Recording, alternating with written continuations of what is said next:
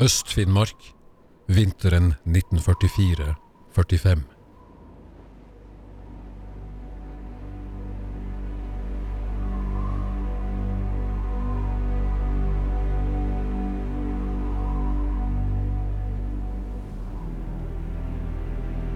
Skal vi dø nå? Er det endelig tid for å dø, løytnant? Spørsmålet kommer i et tonefall som er nesten likegyldig. Løytnanten snur seg. Spørsmålet kommer fra en ung soldat med pistrete lyst hår og mørkeblå poser under øynene. Våkenettene på vakt har skapt den menige unggutten om til et skremmende, levende gjenferd. Løytnanten hører selv hvor hult det lyder når han svarer. Soldater av riket stiller ikke slike spørsmål.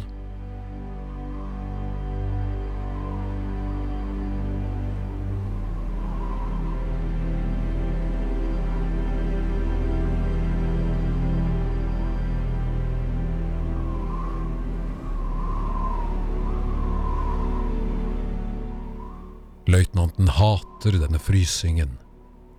Han hater den så inderlig at tankene hans sitter fast bak tinningene. Felttelefonen er brutt. Det er fjerde døgn uten forbindelse til kommandosentralen i Porsanger. Desember har svøpt landskapet i et dypt og skremmende mørke og kulda står som et gjennomsiktig og sultent dyr ute i fjordmunningen i Varangeren. Russerne har av en eller annen grunn ikke kommet over Tanaelva, men i stedet overlatt områdene lenger vest til seg selv.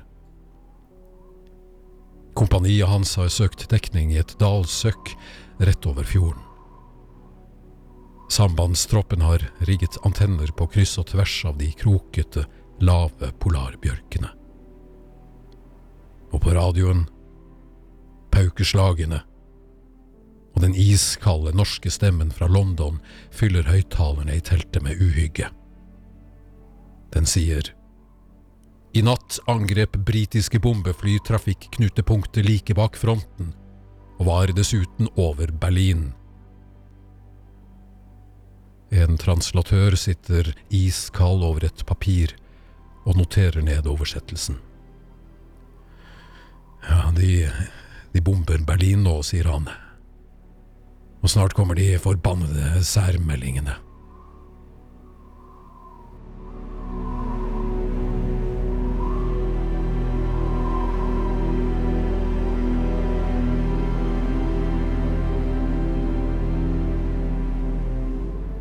Det blir stille i teltet. Særmeldingene disse nifse, korte, kalde setningene, som er kodemeldinger til norske agenter i felt. Agenter som kan være hvem som helst. Kjøpmannen i bua, presten som er en av de få som fortsatt ikke er evakuert. Eller hva med alle dem som har stukket til fjells? De som ikke etterkom evakueringsordren og nå sitter i jordhuler noen av dem sitter akkurat nå med radioene sine. Får budskap fra London. Nikker kort til hverandre. Spenner på seg ski og kommer til bygdene med utspekulert død og hevn. Natt som dag. Uberegnelig.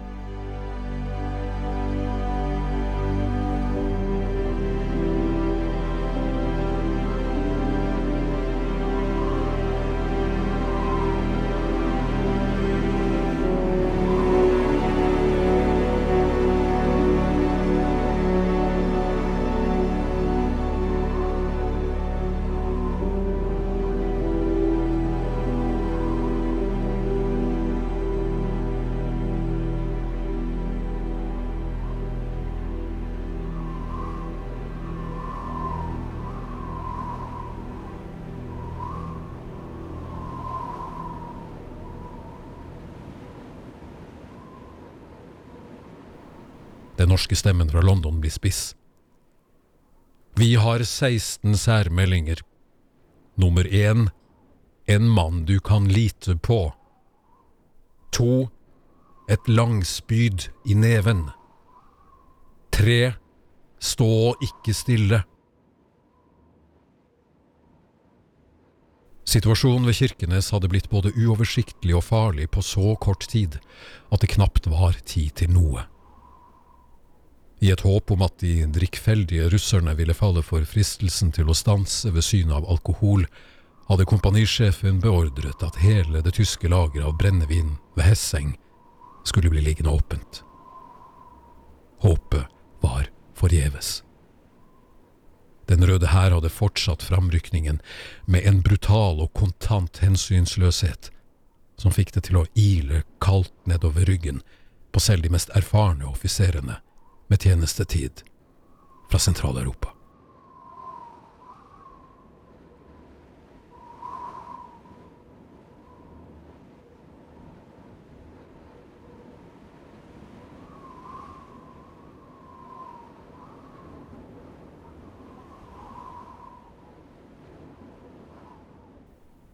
Soldaten med de formørkede øynene setter våpenet fra seg og lytter.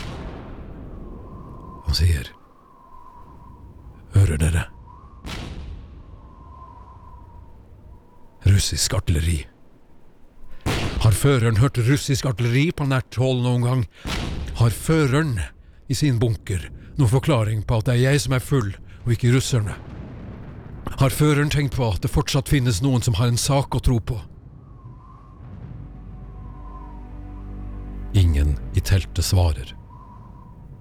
Det er ingen andre lyder denne desembernatten enn vakten utenfor som trår og trår i snøen, den iskalde vinden og de bassaktige lydene fra sovjetisk granatild bare ti mil unna. Og denne iskalde stemmen fra London som fortsetter sine kodemeldinger over eteren. Og 16 til Jerv. Saken er i orden. Vi gjentar, saken er i orden.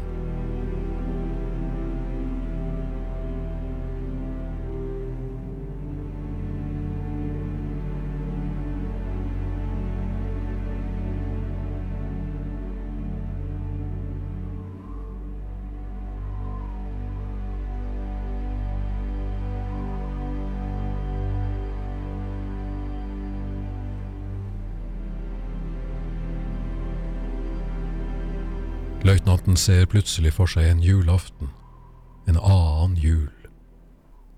Kan det ha vært i 1936? Jo, det må det ha vært. Han var 14 år. Stående fremst i andre rekke i kirkekoret. Han sang. Det hvelvede kirketaket fanget stemmene fra Stille nacht opp i gullmaleriene og strødde dem tilbake over kirkeskipet som englestøv.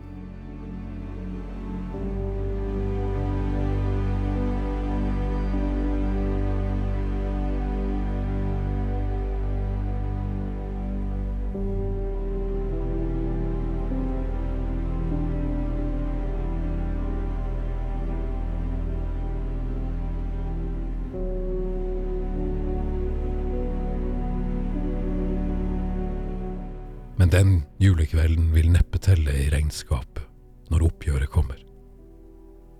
Og det er nesten som om den harde stemmen fra London utfyller tankerekkene hans og sier de kan spare dem sentimentaliteten, løytnant, for det er snart tid for å la nåde vike for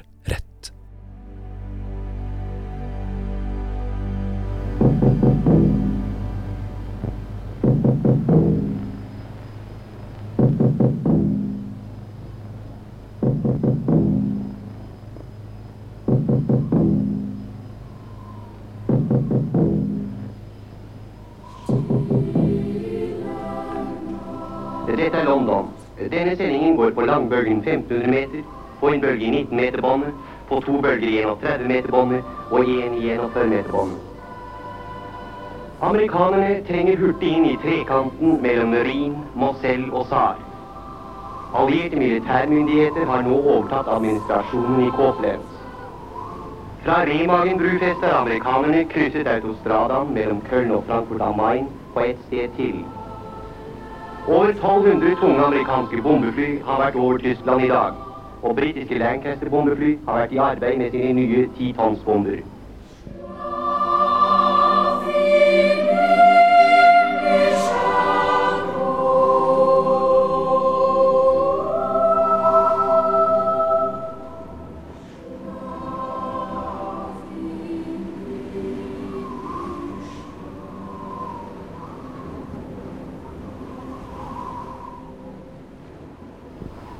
I natt angrep britiske bombefly trafikknutepunkter like bak fronten og var dessuten over Berlin.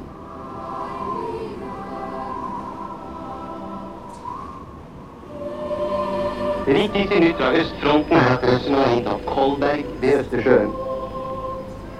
Forsvarets overkommando har sendt ut et kommuniké om evakueringen av 500-600 mennesker fra Sørøya i Vest-Finnmark. Vi har 16 særmeldinger. Nummer én en mann du kan lite på.